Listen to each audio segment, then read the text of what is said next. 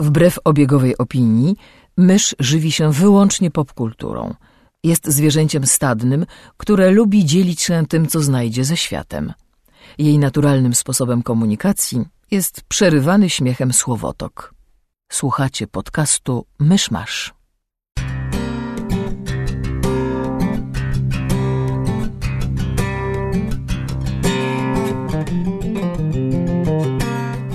Drodzy słuchacze, utarło się, że w tym krótkim, powitalnym segmencie nawiązuje do numeru odcinka, ale jakoś nie przychodzi mi do głowy nic poza internetową zasadą 34, a od tego wolę uciekać, więc zapraszam do 34 odcinka podcastu Nasz Nasz.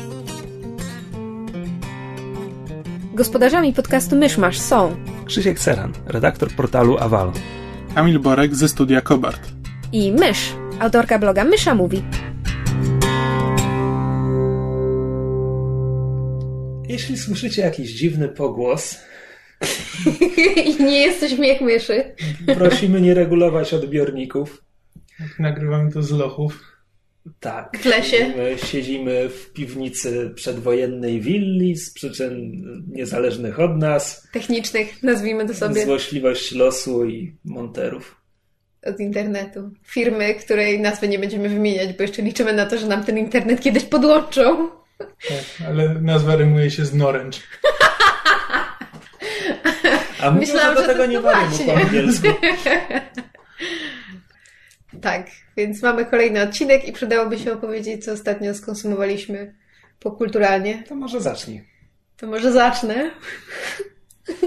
nie wiem od czego. Um, hmm. Ja ostatnio skupiam się przede wszystkim na researchu do najnowszej notki, która w tym momencie ma już 14 stron.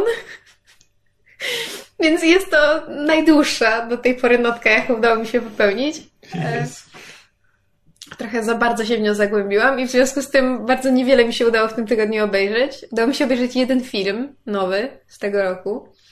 Um, film nosi tytuł Paradise. Nie mam zielonego pojęcia, kto to wyreżyserował, ale jeżeli dobrze pamiętam, scenariusz do tego napisała Diablo Cody, czyli pani, która popełniła Juno i Jennifer's Body i ostatnio Young Adult z Charlize Theron, który był bardzo chwalony, a który ja obejrzałam i uznałam za absolutny gniot.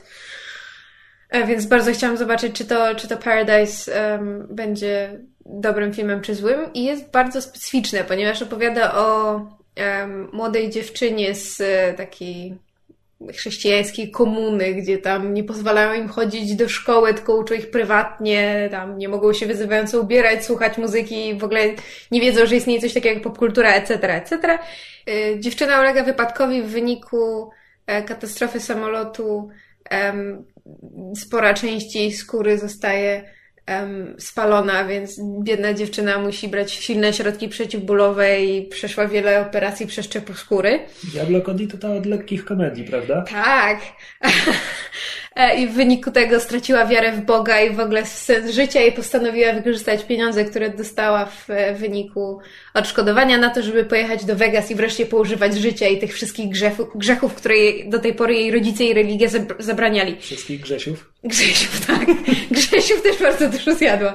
Um, jest to bardzo specyficzny film, bo właśnie tak jak e, bardzo często u Diablo Cody nie jest to stricte komedia, to jest tak bardziej takie połączenie przygnębiających elementów, jakie w życiu mamy i, i znalezieniu w tym jakiej, jakiegoś komizmu, czy jakiejś takiej, jakiegoś takiego sensu.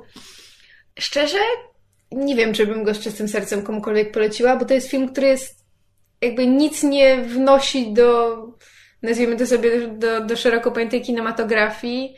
Nie ma w obsadzie nikogo takiego, dla kogo warto by było ten film obejrzeć. Znaczy, w jednej z ról jest Russell Brand i o dziwo jest to jeden z niewielu jego filmów, w którym mnie nie denerwował w każdej sekundzie, więc może to jest jakiś powód, dla którego warto ten film obejrzeć.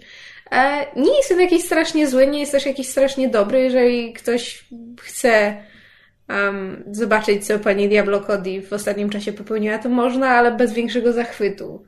Nie był to czas zmarnowany, ale też nie, nie uważam, żebym go jakoś sensownie wykorzystała. Mogłam w tym czasie obejrzeć serial. Lepiej bym na tym wyszła. Znaczy, ja mogę powiedzieć co najwyżej o słuchowisku, czy tam o radiowym panel show. E, The Unbelievable Truth. e, się nazywa, Niewiarygodna Prawda. E, I jest to taki, znaczy, dla tych, którzy nie wiedzą, co to jest panel show, to jest taki quasi teleturniej, tylko że z komikami. Znaczy jest e, właśnie panel złożony z czterech komików plus prowadzący. I każdy komik ma za zadanie opowiedzieć o zadanym mu temacie. Dostaje temat, na przykład pszczoły, i dostaje na ten temat pięć prawdziwych informacji, ale takich e, mało znanych, czy dziwnych po prostu. I musi teraz złożyć na podstawie tego przemowę, która będzie składała się z samych kłamstw, ale w te kłamstwo musi wpleść pięć prawdziwych faktów. I reszta, reszta panelu musi, e, musi zadzwonić dzwonkiem w momencie, kiedy wydaje im się, że właśnie osoba, która przemawia, powiedziała coś prawdziwego. I jest to bardzo przyjemny, bardzo przyjemny program do posłuchania. Można się dowiedzieć paru interesujących rzeczy, a poza tym jest bardzo śmieszny, no bo to jednak są profesjonalni komicy, którzy wiedzą, co robią i często te historie są naprawdę, naprawdę zabawne. Nawet wtedy, a nawet często szczególnie wtedy, kiedy nie są prawdziwe. A to jest brytyjski program, To jest prawda? brytyjski program, tak, nagrywany przez BBC, nie wiem, 4 czy coś takiego. Czy Amerykanie w ogóle robią jakieś panel show? Bo wszystkie, Nie. które znam, są brytyjskie. No właśnie, chciałam powiedzieć, że to chyba specjalność Brytyjczyków, żeby łączyć humor z wiedzą, bo tak samo działa QI przecież. Na, No właśnie, y, Jimmy Carr kiedyś opowiadał, że był nawet na spotkaniu z jakimiś producentami amerykańskimi i chcieli jakiś właśnie taki panel show im próbował e, sprzedać, tylko że no właśnie że to był taki właśnie standardowy, gdzie te punkty w panel showach nigdy nie mają większego znaczenia, no i właśnie go wypytywali, no ale jak to, no to skąd będą ludzie wiedzieli, kto to wygrał? No, ale to nie chodzi o to, kto wygrał. No ale to jeśli jest jakaś konkurencja, no to musi ktoś ją wygrać. I po prostu, po prostu ci amerykańscy producenci nie byli w stanie zrozumieć idei programu, w którym są punkty, ale nikt nie wygrywa. Czekaj, czekaj, czekaj. Jest, jest wyjątek Who's No właśnie który się przyjął w. Ameryce, No właśnie, y, tylko który trochę wyzuli z treści w porównaniu z brytyjską wersją. dokładnie. Ale mi się amerykańska o wiele bardziej niż brytyjska podobała. Do mnie brytyjska w ogóle nie trafiała, ale właśnie pod względem humoru, co jest o tyle dziwne, że chyba dwójka z obsady jest dokładnie taka sama w obu wersjach. Bo Ryan Stiles i Colin Mockery grali zarówno w brytyjskiej wersji przez cały okres jej trwania, jak i w amerykańskiej. Która teraz niedawno została zresztą odnowiona. Co mi przypomina, że mam odcinki do nadgonienia. A da się to oglądać? Tak, zadziwiająco się da. Nawet z, z nową prowadzącą, bo wcześniej prowadził to e, Drew Carey, z, Jak znany komik. najsłabszą częścią Tak, programu. tak, więc teraz prowadzi um, Aisha Tyler. Ona jest to komikiem. Jest komikiem, ona występuje. Ja ją gdzieś widziałam, tylko za Chiny Ludowe nie pamiętam gdzie. Ale ma, ma bardzo fajny kontakt z, z panelistami, z komikami, którzy, którzy się w programie pojawiają. No, też nie jest jakoś szczególnie. W... Znaczy, nie ma wiele do roboty przede wszystkim, bo ona praktycznie nie uczestniczy w żadnych grach, tylko no, co jakiś czas no, wspomni, kto wygrał i tam trochę pogada z tymi, ze swoimi kolegami, ale Czy my właśnie od trzech minut rozmawiamy o Who's Line Is Anyway, nie powiedziawszy na czym to polega? Tak, ale to u nas normalne. To może wytłumaczmy, na czym to polega.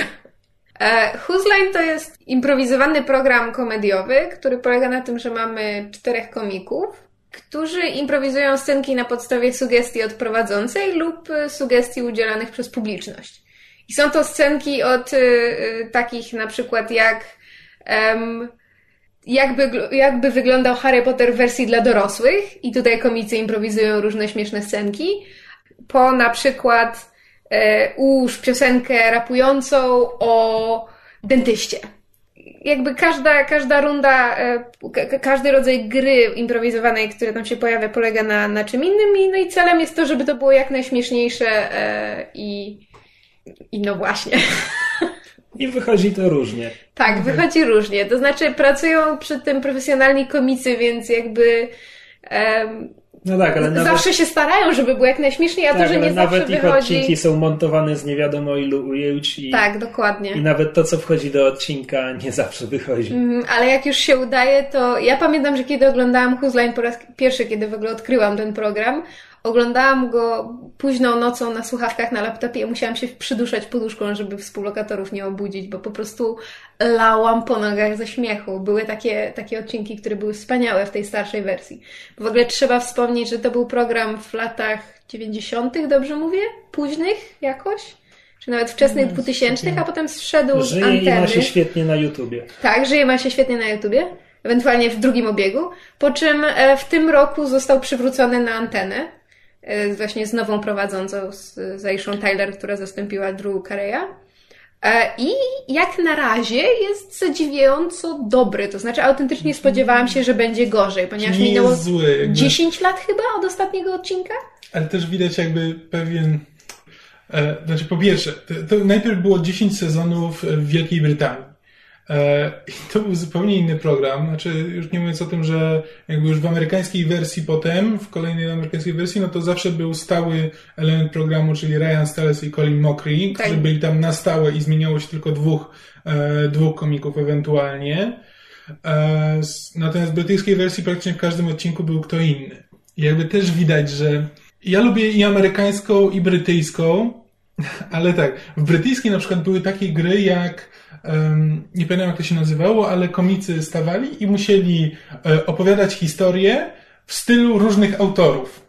E, I właśnie tam prowadzący im podrzucał e, kolejnych autorów i musieli ten. W amerykańskiej wersji takiej gry nie uświadczymy, absolutnie nie ma żadnych szans na, Ciekawe czemu. na, na coś takiego. I potem jakby ten, ten nowy sezon, który teraz już tam po paru latach przerwy właśnie wrócił do, e, do amerykańskiej telewizji, znowu jest troszkę, nie podoba mi się to, że znowu właśnie starają się to ogłupić, bo stałym punktem programu, zawsze na koniec jest gra, e, w której jeden z, jeden z komików, Colin Mockery, mm, Colin Mockery stoi za Ryanem Stylesem i jest jego rękami. I zazwyczaj mają przed sobą stół pełen e, różnego jedzenia i zazwyczaj humor polega na tym, że Colin Mockery wpycha Ryanowi Stylesowi do, e, do gęby różne jedzenie i są na koniec strasznie upaprani. Jest to zabawne, jak to się oglądało w, w Raz na pięć odcinków. Tak, raz na pięć, raz na dziesięć odcinków potrafi to być zabawne na takim slapstickowym poziomie. Ale teraz w tym nowym jest to autentycznie w każdym odcinku jest stały Mhm. punkt programu. I właśnie i to jest dla mnie, to, to jest lekko trudne do przełknięcia, bo jednak mam wrażenie, że to jest lekkie zaniżanie poziomu. Mhm, ogłupianie troszeczkę. Tak. No ale potrafi być, potrafi być to wciąż dosyć zabawny program momentalnie. Co, ja po prostu tej poprzedniej amerykańskiej wersji obejrzałem, mam wrażenie, za dużo i się znudziłem formułą. Tak, to się Nawet nie, nie mam ochoty, nie próbowałem tego nowego. No w każdym razie, jeżeli słuchaczy interesuje dobry program komediowy, to warto te starsze odcinki e, Whose Line Is It Anyway? A jeśli chcą się przekonać do panel show, to QI pozostaje najlepszy. Nie, oczywiście, bo, bo QI jest jakby genialny sam w sobie, to nie ma żadnych wątpliwości, ale jednak e, mam wrażenie, że Whose Line wymaga trochę mniejszej wiedzy, żeby się dobrze bawić. No chyba nie wymaga żadnej wiedzy, bo tą wiedzę Nie, ale- przekazują. No. Ale fajnie jest jednak oglądać QI i móc pewno powiedzieć, u, ja wiem, ja wiem, co tutaj będzie, ja wiem. Co mnie w, w, przez pierwsze cztery serie, które oglądałam, zdarzyło się dwa razy i byłam z tego niesamowicie dumna. Słuchacze oczywiście nie mają pojęcia, co my robimy w czasie nagrania, ale Kamil właśnie przez minutę z chirurgiczną precyzją odkładał kubek herbaty na stół, żeby nie wydać odgłosu. Było to piękne. Poezja w ruchu. Dobrze, e, Krzysiek, czy ty coś masz? Szczerze mówiąc, nie bardzo, gdyż albowiem utknąłem w tym tygodniu w tłumaczeniu, które zajęło mi dużo więcej czasu niż powinno i trochę zniechęciło do przesiadywania przed komputerem, a poza komputerem wciąż czytam tę samą książkę od dwóch tygodni i jeszcze nic nie mogę o niej powiedzieć. E, także... To będziesz świetnym wkładem do tego odcinka. Tak, tak, tak. Jestem prawie na bieżąco z tymi niewieloma serialami, które oglądam. E, I pograłem trochę więcej w XCOMa, XCOM Enemy Within i już czuję się jakby mogę coś powiedzieć o tym dodatku. A czy ktoś z nas jeszcze umarł? Bo nie wiem, czy słuchacze wiedzą, czy czytają naszego, e, ten, e, naszą stronę, czy też naszego bloga, bo Krzysiek tam zamieścił relację z grania i nazwał dwie z postaci e, ksywką moją i Kamila, więc ja się teraz zastanawiam, A- czy ja a jeszcze trzecią żyję. swoją. Tak, a trzecią swoją. Czy ja jeszcze żyję? Czy Za- awansowałam? Założenie jest takie, że będę prowadził dziennik z kampanii, dopóki e, nie polegnie ostatni z tej naszej trójki. Na razie, na razie wszyscy są cali, e, na razie wszyscy żyją. Tyle. Czy są cali i zdrowi, to już jest temat dyskusyjny. Na razie wszyscy żyją. Dobrze. Jak mówiłem w zeszłym tygodniu, fabuła w XCOMie się liczy najmniej, nie o to tu chodzi. Chodzi o to, jak te nowe elementy wpływają na rozgrywkę. I wpływ jest duży, bo to co pierwsze, to co pierwsze rzuca się w oczy, to dość szybko gra z dodatkiem oferuje nowe możliwości. Można e, wszczepiać naszym żołnierzom geny kosmitów, co daje im nowe umiejętności. Można też e, sprząc jednego z żołnierzy, czy ilu tam człowiek chce, e, ze wspomaganym mechanicznym pancerzem zbroją, tak go mocno cyborgizując. I to jest po prostu jakby jeszcze więcej możliwości dla naszych żołnierzy, przez to są jeszcze skuteczniejsi na polu bitwy. A, więc jakby pierwsza zmiana, która rzuca się w oczy, to jest właśnie gracz może jeszcze więcej, więc jakby eliminacja tych przeciwników jest trochę prostsza przez to. Potem pojawiają się e, nowi przeciwnicy. Na razie trafiłem tylko na, jed, na jednego. Jeszcze na pewno wiem, że będzie jeszcze jeden, a może czegoś nie było w zapowiedziach. Zobaczymy. E, I ten jeden nowy przeciwnik to jest takie irytujące, latające plugastwo, które jak tylko na nie trafisz, to znika, nie wiadomo gdzie jest i potem, potem się pojawia i najczęściej pojawia się koło jakiegoś naszego żołnierza i zaczyna go dusić mackami chyba że zostanie odstrzelony wcześniej. I w pierwszym momencie, grając w XCOMa, zawsze jak trafiam na nowy typ przeciwnika, trochę panikuję, bo nie wiem, co on zrobi i tak dalej. Zwłaszcza, że gdy grałem po raz pierwszy, prawie każde spotkanie nowego typu przeciwnika kończyło się mniejszą lub większą masakrą. E... Przepraszam, powiedziałeś, że pojawia się i znika i ja teraz w głowie to śpiewa. I znika, i znika. No właśnie. Ale kontynuuj. Fantastycznie. Muzyka to też popkultura. Mhm. Tak mi mówili. I had fun once. It was awful. No dobra. I to y, nowe latające paskudztwo samo w sobie nie jest żadnym zagrożeniem, bo jeśli tylko żołnierze ubezpieczają się nawzajem, to ktoś je odstrzeli ale jeśli akurat, wiesz, masz wymianę ognia z jakimiś innymi kosmitami i nagle, nagle to paskudztwo pojawi się gdzieś na twoich tyłach, kiedy nie masz tego żołnierza, który może poświęcić swój atak, no to już jest jakiś tam e, coś w tych trybach skrzypi. Dalej, te nowe możliwości e, kosmiczne, kosmiczne geny i, i ta kosmiczna cyborgizacja jest możliwa za drobną opłatą i wykorzystaniem nowego surowca, który doszedł w dodatku. Nazywa się MELT. To chyba jest skrót i się jakoś rozwija, a może i nie. E, tylko, że w przeciwieństwie do pieniędzy MELT można zebrać tylko w czasie misji. E, I to jest tak naprawdę jedna z największych zmian. Nie wydaje się, ale to wygląda tak. Na większości map masz dwa pojemniki z meldem, jeden dość blisko miejsca, gdzie zaczyna twoja drużyna i drugi gdzieś w oddali. Jest gdzieś, lecz nie wiadomo gdzie i można je zebrać tylko przez kilka tur. Zrobiłeś to specjalnie? Zrobiłem to specjalnie. Cholera no? jasna. Teraz mam w głowie pszczółkę Maję, no. Jest gdzieś, lecz nie wiadomo gdzie. Zabiję cię.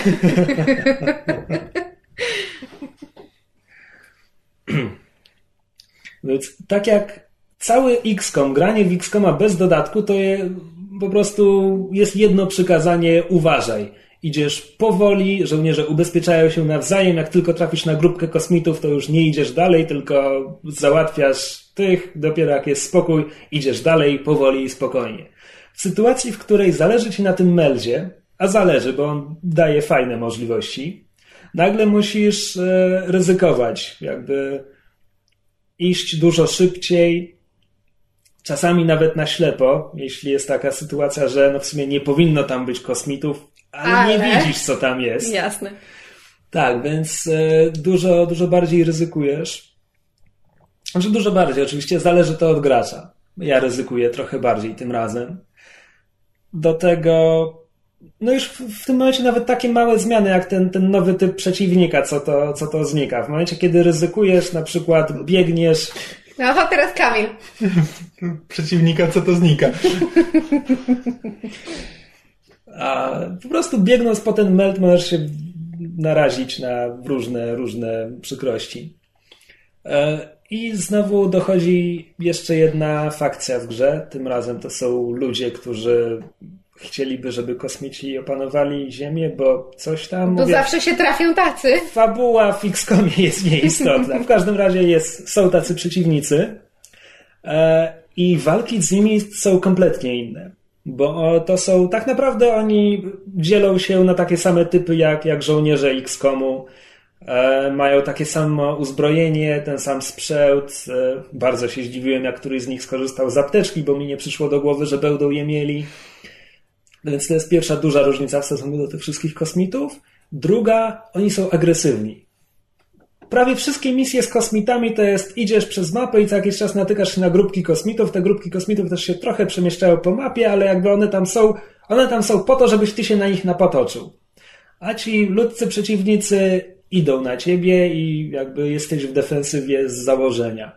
Także wszystko jakby pojedyncze, jak się o tym wszystkim mówi, to nie są duże zmiany. Wszystkie razem dość znacznie zmieniają grę. I na lepsze czy na gorsze? Na razie na lepsze. Na razie nie widzę żadnego powodu, dla którego miałbym grać w XCOMa bez dodatku. Mhm. No to będę musiał spróbować, bo ostatnio grałem właśnie w XCOMa, zacząłem grać na Iron Manie, tylko że popełniłem bardzo głupi błąd i ten... Zaznaczyłeś tryb Iron Man?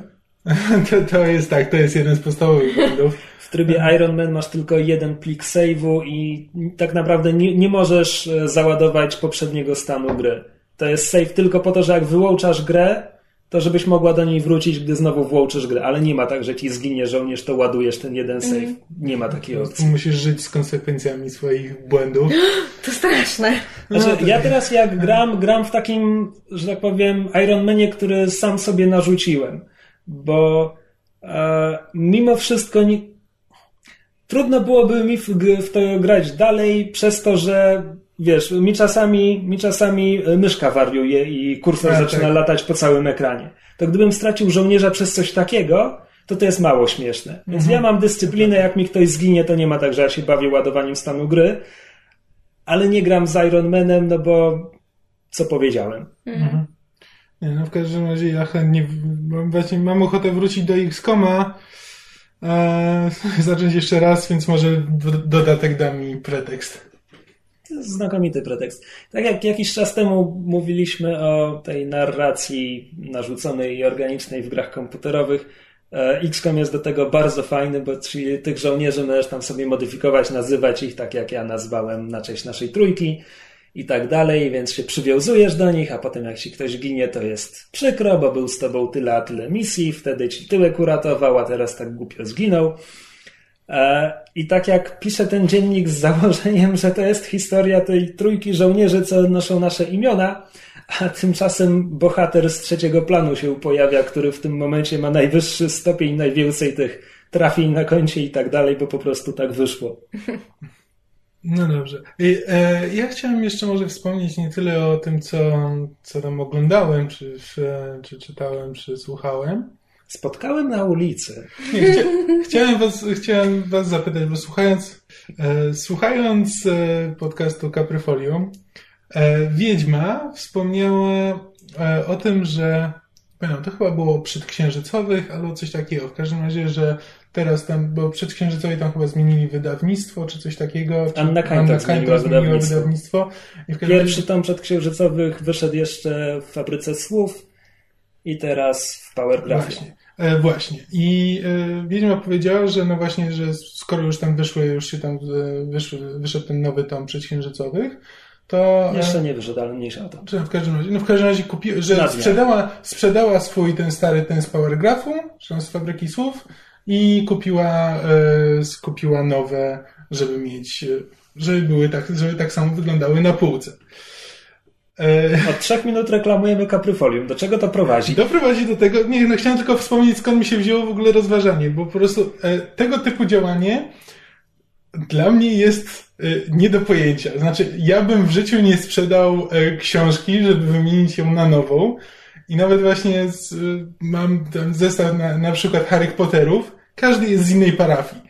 Ale też właśnie dlatego nie, nie mam ochoty ich sprzedawać, bo każdy z nich, jak patrzę na niego, to przypomina mi się, przypomina mi się okres, w którym go kupiłem, przypomina mi się kiedy, dlaczego. I mam jeden, który dostałem właśnie, e, jeden po angielsku, który dostałem od mamy kiedyś, e, potem następny, następny, który sobie sam kupiłem, trzeci, który kupiłem e, w Stanach będąc i każdy z nich opowiada jakąś historię. I, a wiem, że jest sporo takich osób, które lubią po prostu kolekcjonować rzeczy. I nawet ty też mówiłeś na temat e, kolekcji Hachette, że e, wygląda... E, niekompletnie. Że, tak, że niekompletnie, że ponieważ jest obrazek na... Jest obrazek na grzbietach, ona zawsze będzie wyglądała niekompletnie, o ile nie jest kompletna, tak jakby to nie, nie Ale jest kwestia mojego... Za czasów kaczora giganta było to samo. To właśnie. A ja pamiętam, że Kaczor Gigant to nawet kiedyś wydrukował e, nalepkę erratę, bo się rołbnęli w grzbietach. Jeden grzbiet był zły, trzeba było nalepić własny, żeby pasowało do obrazka. Nie słyszałam tej historii, ale to było, piękne. Było.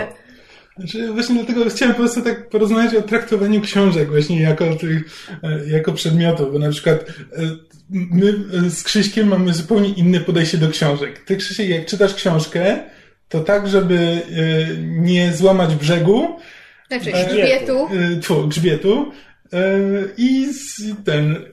I dbasz o swoje książki. No bo Coś przedmiot ma, ma swoją cenę. A poza tym, poza, ja do, znaczy abstrahując od jakiejś mojej wrodzonej pedan, pedantyczności, e, pierwszy Władca Pierścieni, którego czytałem w wieku lat siedmiu albo ośmiu, to jest jedno, to nie jest najstarsze polskie wydanie, ale to jest bardzo stare polskie wydanie Skibniewskiej tłumaczenie i on mi się rozpadał w rełku.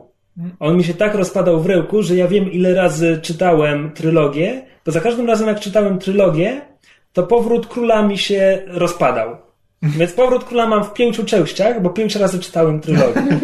I jakby od obchodzenia się z tą, z tą z tym egzemplarzem Władcy Pierścieni mi zostało, że książki nie przełamuje się grzbietu i tak dalej, i tak dalej, i tak dalej. Dla mnie to jest pierwsza rzecz, którą robię. Przełamuje znaczy, grzbiet. Na chybił trafił po prostu. Znaczy, ja no, lepiłem tego władcy pierścieni taśmą klejącą, żeby on, wiesz, w ogóle coś z nim dało się zrobić. Znaczy tak, to jakby jak już książka się po prostu nie nadaje do czytania, to rozumiem, że wtedy się kupuje nową, ale ja na przykład wtedy na półce trzymam tę starą, tę rozwaloną, a tę nową sobie tam czytam jeśli chcę i schowam ją gdzieś na... No dobra, ale zobacz. E, e, ja to czytałem mniej więcej raz do roku sobie powtarzałem Władcy, czyli tak mniej więcej 7, 12, 8, 13 rok życia. To są trzy tomy. Z każdym z nich musiałem się obchodzić z, jak z jajkiem. Przeczytane pięć razy to jest w tym momencie 15 książek, z którymi się musiałem bardzo ostrożnie obchodzić. To dlatego to mi zostało. Okej, okay, być może. E, w moim wypadku jest o tyle dziwnie, że ja jakby mam dwa podejścia do książek. To znaczy, jedno się pojawiło ostatnio, mianowicie kupiłam książkę po polsku, przeczytałam ją, stwierdziłam, że fabuła i bohaterowie są spoko, ale nie podoba mi się polskie tłumaczenie, więc stwierdziłam, że polską sprzedam, kupiłam sobie na Allegro za parę złotych wersję angielską. E, nie przeczytałam jej ponownie, ale teraz trzymam angielską na półce, bo wolę ją mieć niż polską. Polską zamierzam sprzedać. Znaczy, okej, okay, też ja, przy Władcy Pierścieni też pierwszy, pierwszy raz jak czytałem, to niestety czytałem w tłumaczeniu Łozińskiego. Więc później kupiłem e, w wersji skibniewskiej i Łoziński poleciał do kosza. Znaczy nie wiem, czy do kosza, czy gdzieś tam go oddałem. W każdym razie Łoziński wylądował daleko hen, a na półce teraz jest skibniewska. Ale na przykład z Harry Potterem mam dokładnie to samo. To znaczy mam pierwsze chyba dwa tomy po polsku, trzeci po angielsku, czwarty i piąty po polsku, szóstego nie mam, a siódmy po angielsku jest gdzieś u znajomej. E, I jakby w ogóle mi to nie przeszkadza, ale może dlatego, że ja pomimo mojej dużej sympatii do Harry'ego Pottera nie mam sentymentu do, do tej serii. Mam natomiast ogromny sentyment do Sapka i do tego starego wydania e, białego z, z supernowej, e, niektórzy słuchacze mogą kojarzyć, tego najstarszego. E, I doszło to do tego stopnia, że mimo, że Ostatnie życzenie się rozpada w rękach, co zresztą Kamil potwierdzi, bo ostatnio mhm. zaczęliśmy czytać i po prostu przekładam po stronie, bo połowa stron wypadła i... No tak, to jest po prostu już, to już nie jest książka, tylko folder. Ta, tak, ale to jest, ale to jest ukochany folder. I doszło tak. do tego, że ponieważ e, ja byłam chyba jedną z niewielu osób, która na etapie podstawówki i gimnazjum miała kompletną sagę, ja byłam osobą, od której wszyscy pożyczali i doszło do tego, do, doszło do tego, że dwa tomy zniknęły i nie jestem w stanie ich y, odnaleźć. Nie jestem w stanie ich z powrotem upolować. Nie wiem, kto je zabrał i nie oddał. Niech się smaży w piekle.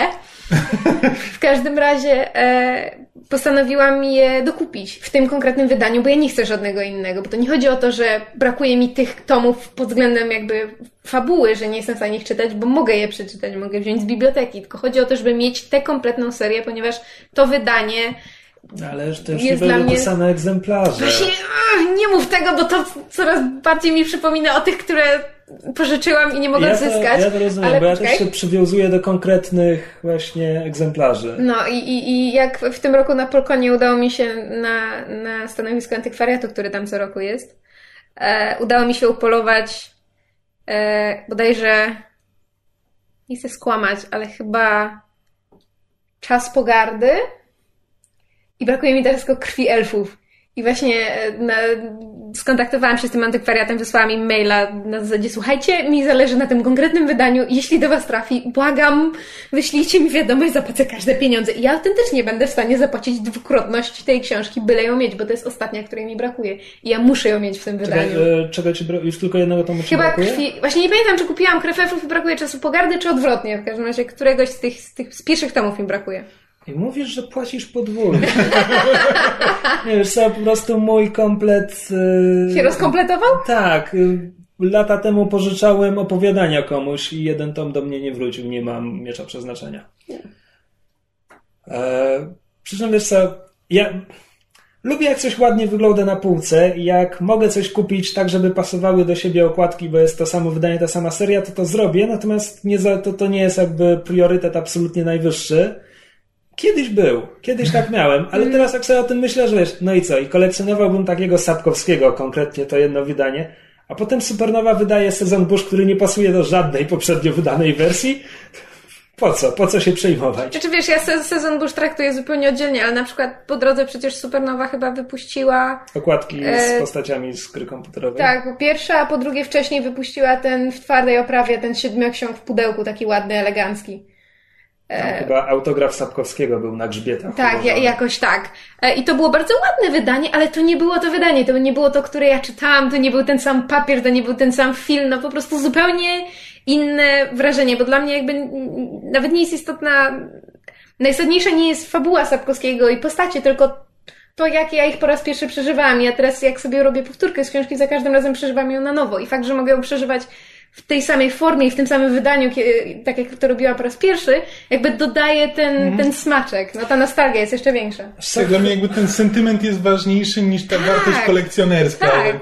Chyba kolekcjonerską dokładnie wiem, kiedy przestałem się przejmować tym, jak coś mi wygląda na półce. To było gimnazjum, jak zbierałem dodatki do Legendy Pięciu Kręgów i dodatki z drukarni wyjeżdżały każdy innej wysokości. Można było Najniższe, zabić. najniższe od najwyższego różni się tam chyba o centymetr czy coś. Żadne dwa nie są takie same i żaden z nich nie jest tej samej wysokości co główny podręcznik. To człowieka może szlak trafić. No chyba, że nauczy się nie przejmować. A jeszcze tak a propos Wiedźmy, ona ostatnio się pytała, czy moglibyśmy zamienić y, ze dwa słowa na temat y, e-booki versus normalne książki, bo Chyba, czy ty możesz zamienić? tak, czy ja mogę zamienić?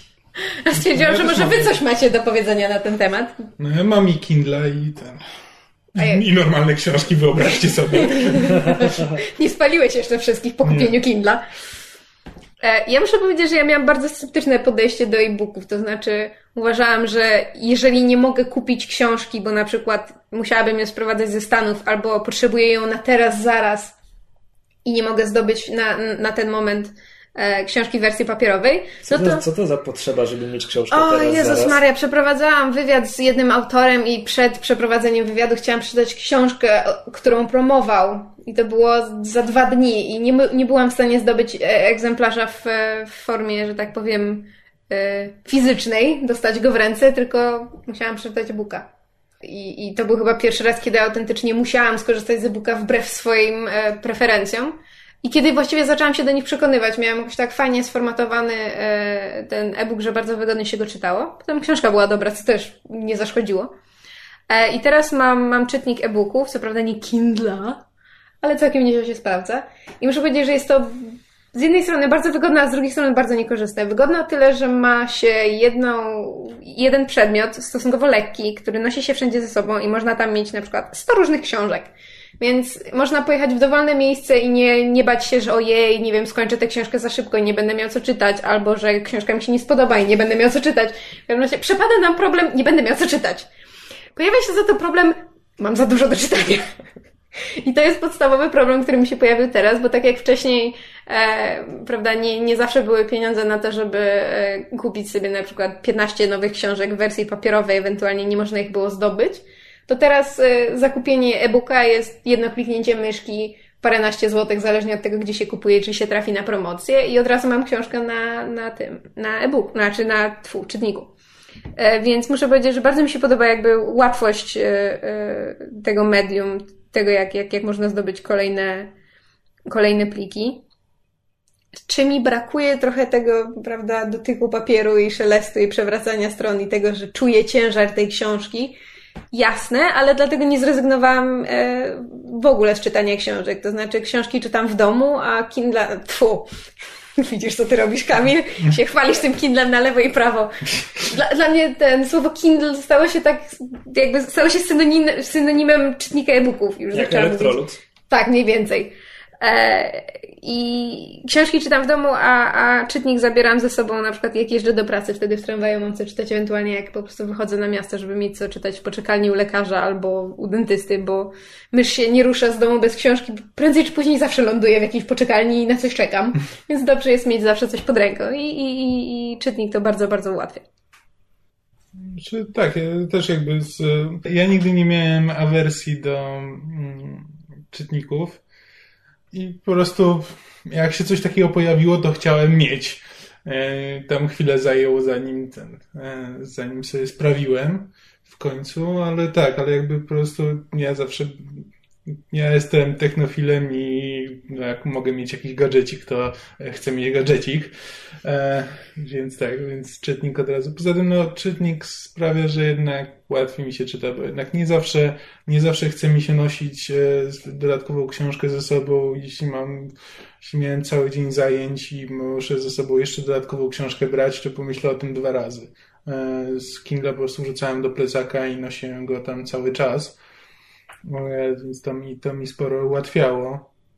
Poza tym też jest sporo książek, które ja chcę, które chcę przeczytać, a które po prostu nie trafiają do Polski nigdy. Na przykład, że usłyszę o czymś w The Daily Show, jakiś wywiad z, z autorem, no i w ten sposób tam zacząłem czytać, nie skończyłem jeszcze, nie, nie doszedłem nawet do, chyba do ćwierci, bo to duża książka jest, ale książkę pod tytułem Zelet, e, która opowiada o z, życiu Jezusa. W sensie jako mężczyzny, nie tam jako proroka. Znaczy ona jest napisana przez człowieka tam religijnego, nie, e, ale tak, ale nie jakby nie, nie pisana jako właśnie o Jezusie jako postaci biblijnej, mm. tylko o Jezusie jako człowieku.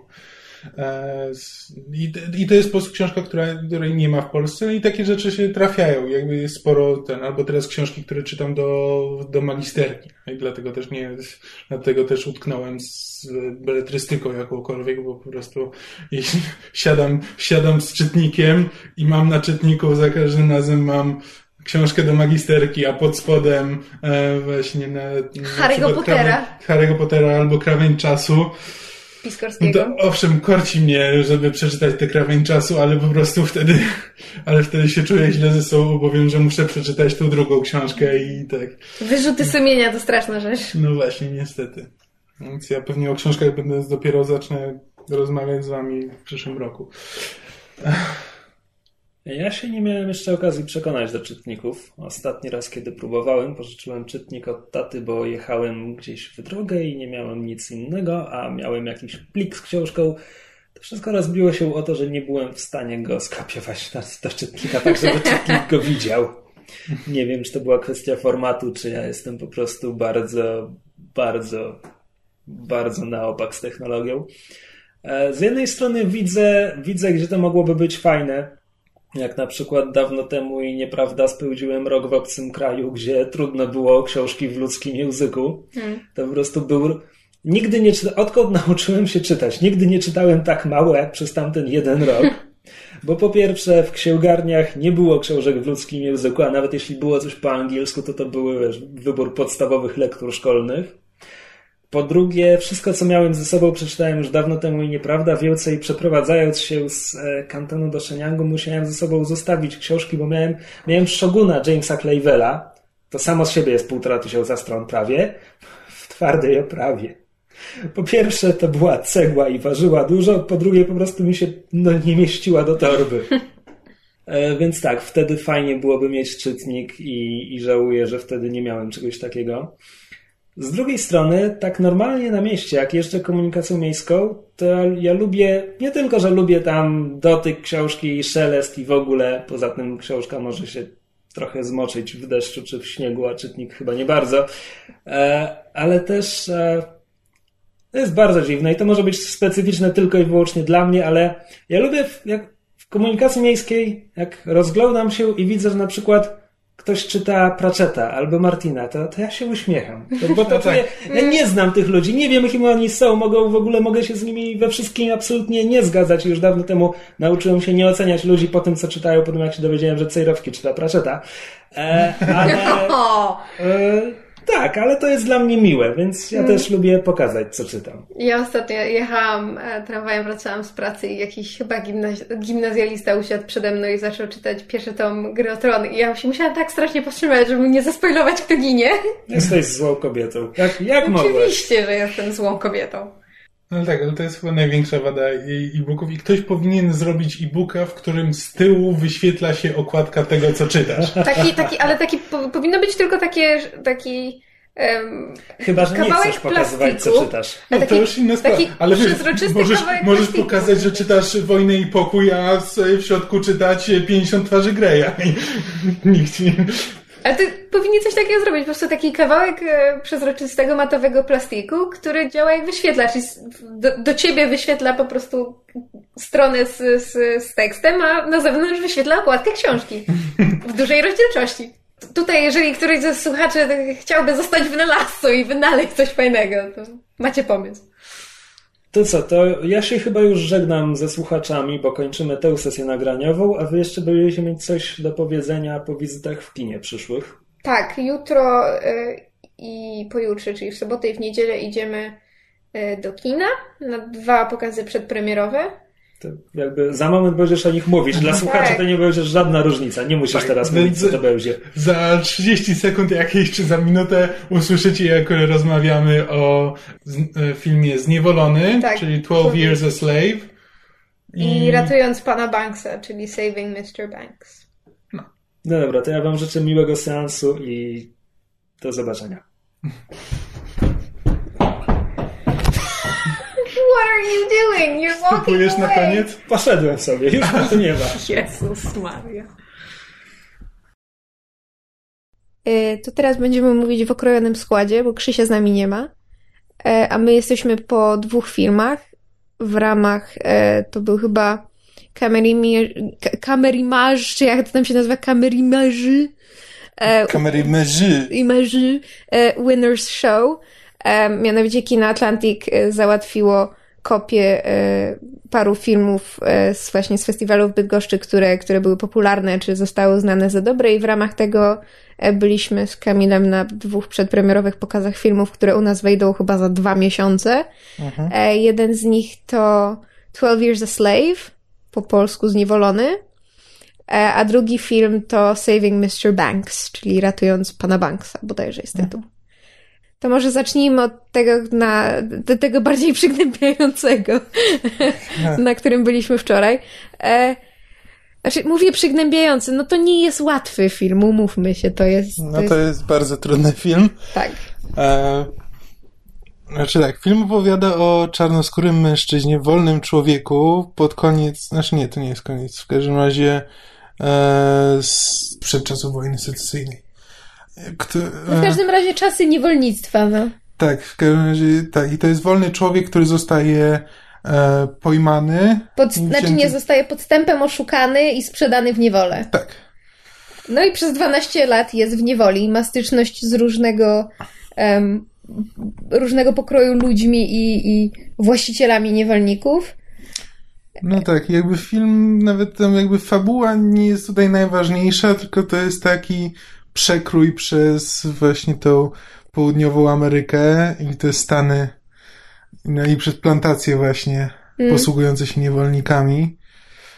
No i to, no, no to jest trudne. Czy to pokazuje, znaczy są, są i właściciele, którzy są po prostu złymi ludźmi jakby z natury, którzy po prostu traktują swoich niewolników jak zwierzęta. No a są też tacy, którzy po prostu są, znaczy po prostu jakby nie myślą, to jest jakby wyższy, wiesz, odczuwają wyższość, choć to przyznają, że to są ludzie, no, na przykład postać Benedicta Cumberbatcha też, po, y, Benedict Cumberbatch też gra właściciela plantacji, który jest właśnie z tych, który no, się niby martwi o tych niewolników, Ale, ale... nie widzi nic złego w tym, że ma niewolników. Znaczy tak, jakby... znaczy ma swoje problemy finansowe i dla niego to jest po prostu, no to jest narzędzie i on stara się o nich dbać, ale też no nie na tyle, by ich uwolnić. Mhm. Więc to jakby, no to nie jest taki właśnie jednoznaczny film, gdzie po prostu mamy złych, e, złych plantatorów. E, Chociaż mamy jednego bardzo złego, którego Tak. wybitnie gra Michael Fassbender. tak, Michael Fassbender jest niesamowicie przerażający w tym filmie. Tak, jeszcze, jeszcze chyba ani razu tak się go nie bałem jak w tym filmie. To prawda. Mm. A to zresztą chyba trzeci film, przy którym e, e, ten reżyser Steve McQueen współpracuje z Fassbenderem, bo wcześniej z nim nakręcił Hunger, bardzo chwalony, a potem Wstyd, w sensie Mm, Shame. Shame. E, Więc zaczynamy mieć tutaj relacje niemalże jak ten Tim Burton z Johnnym Deppem. No wiesz, trzeci film z rzędu z tym samym aktorem i to w dość dużej roli, to jednak y, musi tam być jakiś, jakiś y, musi nawiązać jakoś nieporozumienie i moim zdaniem to widać, bo, bo Fassbender świetnie gra, najwyraźniej czuł na co sobie może pozwolić i jak daleko może te, znaczy jak, jak daleko może doprowadzić te, te postaci, te role, jak, jak to może zagrać. Jakby aktorsko w ogóle film jest e, bardzo dobry. Mhm. Znaczy każdy, no, nie ma złego aktora, wszyscy naprawdę się bardzo dobrze sprawują w tych rolach, które im przypisano. Mhm. No i tak, no jest to film niesamowicie ciężki. To jest naprawdę coś, co, na, co trzeba się uzbroić w cierpliwość, bo film ma ponad dwie godziny. A wydaje się jakby miał pięć. Tak, no bo jednak to jest non-stop pokazywanie właśnie okrucieństwa i zezwierzęcenia. Jak byliśmy, jak byliśmy dzisiaj na Panu Banksie, to zauważyłem, że na plakacie tego zniewolonego jest hasło, nie pamiętam dokładnie jak było ujęte, ale na zasadzie, że wolny człowiek zawsze pozostanie wolny. Nie wiem, kto wymyślił to hasło.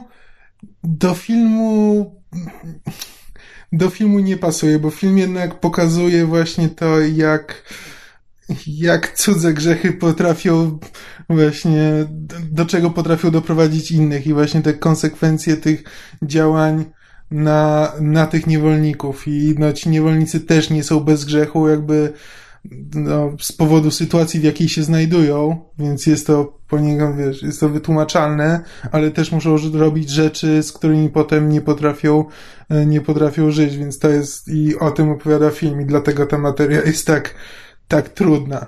Bo tam po prostu, no, nikt nie pozostaje bez winy na koniec. Może nie tyle bez winy, co nikt nie pozostaje czysty.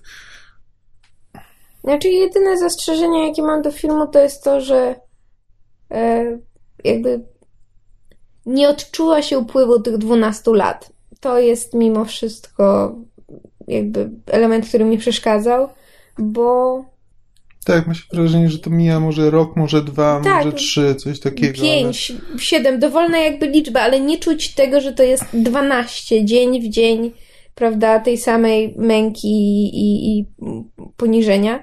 Widać moim zdaniem, że jest to film McQueena, bo, bo reżyser ma taki specyficzny, dość artystyczny styl i to widać, są, są długie ujęcia, są ujęcia jakby natury, wiele rzeczy jest powiedzianych w długich spojrzeniach, w scenach, e, prawda, takich troszkę statycznych, gdzie tylko w tle nam się przewijają statyści.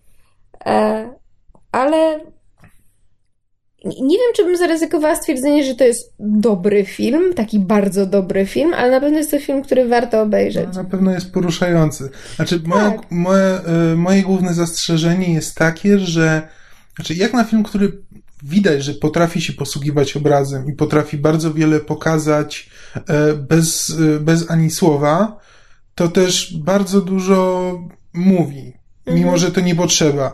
Że, każde, że praktycznie każdy z tych plantatorów e, wytłuszcza dokładnie swój pogląd na to, e, właśnie na niewolników i na jego podejście do niewolników, po prostu opowiada o nim komuś innemu. I jakby właśnie każda postać praktycznie w filmie tłumaczy swoje motywacje, mimo że one są jasne. To nie jest potrzebne, bo jakby my wiemy, kim są te postacie y, po ich akcjach. I wcale to tłumaczenie nie jest nikomu potrzebne. E, I to mnie dziwi, że w ogóle, w ogóle reżyser postanowił to uwzględnić w filmie.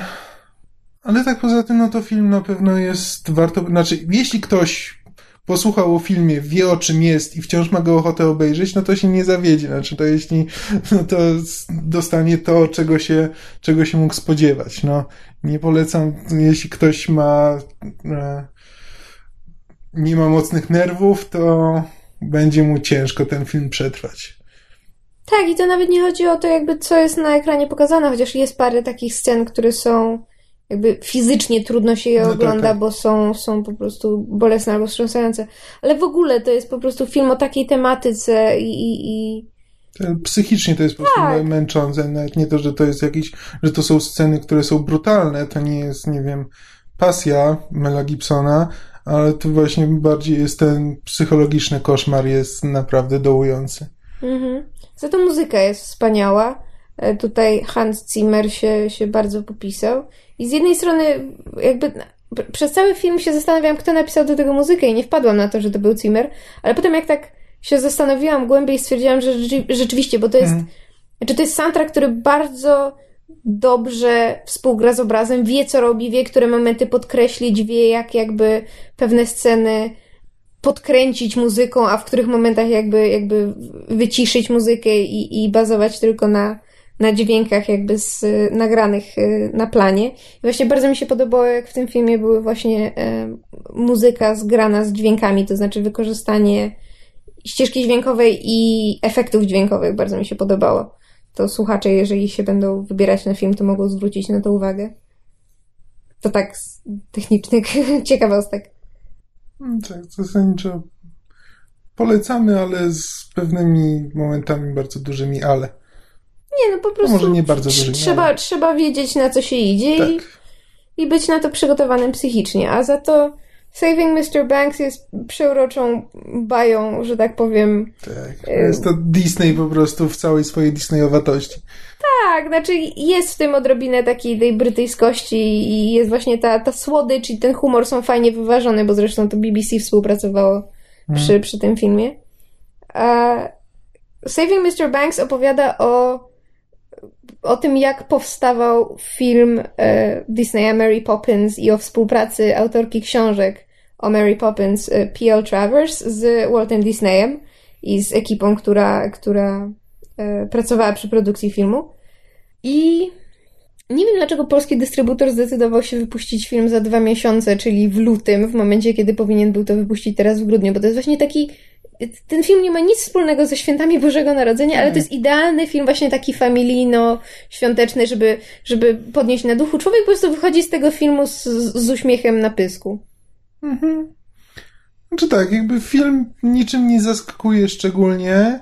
Jakby od samego początku jakby wiadomo, czym to się skończy i w większości wypadków jest jasne. No nie wiem, ja miałem takie wrażenie, że większość wątków jak się w filmie pojawia, to już wiem, gdzie się skończy, ale też to nie przeszkadza, bo to jakby nie, nie o to chodzi. To jest właśnie taki film do poprawienia sobie humoru, e, pełen ciepła i bardzo pozytywny. Mhm. E, Główne role grają Tom Hanks i Emma Thompson. Grają je oczywiście wspaniale, bo to jest dwójka bezapelacyjnie świetnych aktorów. Tylko ja mam z nimi taki problem, że dla mnie są aktorzy na tyle charakterystyczni i na tyle mi się kojarzący z zupełnie innymi rolami, że ja patrząc na nich, ja nie widziałam Walta Disneya i P.L. Travers, tylko widziałam Toma Hanksa i Emma Thompson.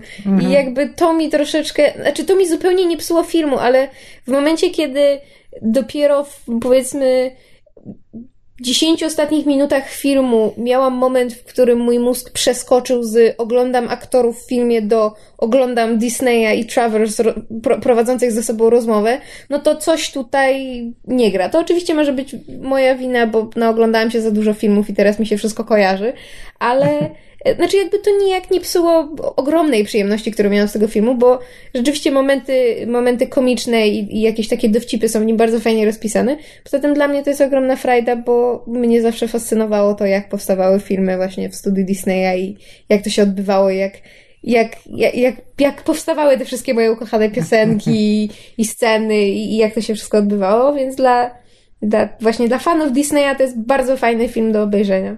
Tak, choć też y, ja miałem wrażenie, że ponieważ, że, ponieważ to jest film o Disneyu zrobiony przez Disneya, to Był cały, wygładzony. Tak, tak, to właśnie cały czas miałem wrażenie, że no, to nie jest do końca prawdziwe. Właśnie wolałbym, żeby, gdyby ten film zrobiła jakaś inna wytwórnia, to myślę, że też bardziej mi się, by mi się podobał, bo bardziej bym mu uwierzył. Mhm. A tak to, to cały czas tak miałem wrażenie, że zastanawiałem się, co z tego jest wygładzone i tak naprawdę tylko po to, żeby Disney wyszedł dobrze. Tak, ale z drugiej strony mam wrażenie, że gdyby zrobiło to inne studio, to film nie byłby jednak właśnie taki ciepły i taki uroczy, bo to jest w pewnym stopniu specjalność Disneya.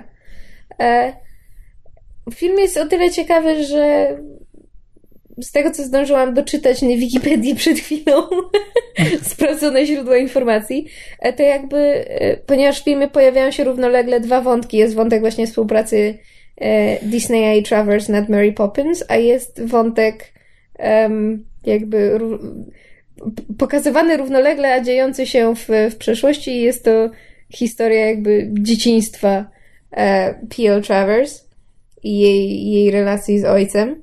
Bo jakby film, film w ogóle kręci się wokół ojców i relacji z ojcami, mam Mhm. wrażenie. No to tak, jest tak, taki. Właśnie stąd się bierze też e, tytuł e, Saving Mr. Banks, bo Mr. Banks to jest postać właśnie ojca w Mary Poppins. I bardzo fajnie jest, są, te, są te dwa jakby wątki zrównoważone. I mam wrażenie, że tak jak kręcąc ten film mogli troszkę skłamać na temat e, relacji, jaka się nawiązała między Disneyem a Travers i tego, jak ona ostatecznie podeszła do, do, do ekranizacji Mary Poppins, ale tak mi się wydaje, że dość e, wiarygodnie pokazali właśnie jej dzieciństwo. Z tego, co zdążyłam doczytać na Wikipedii, wygląda na to, że jakoś e, zrobili to z, z wyczuciem i z szacunkiem. No to jakby się w lutym ktoś chciał, e, że tak powiem, poczuć ciepło i miło, tak jakby go ktoś otulił ciepłym, miłym kocykiem, to może się wybrać na Saving Mr. Banks. Tak jest. Dobrze, to żegnamy się w takim razie ze słuchaczami. Widzimy się za tydzień. Słyszymy się za tydzień. Słyszymy się za tydzień.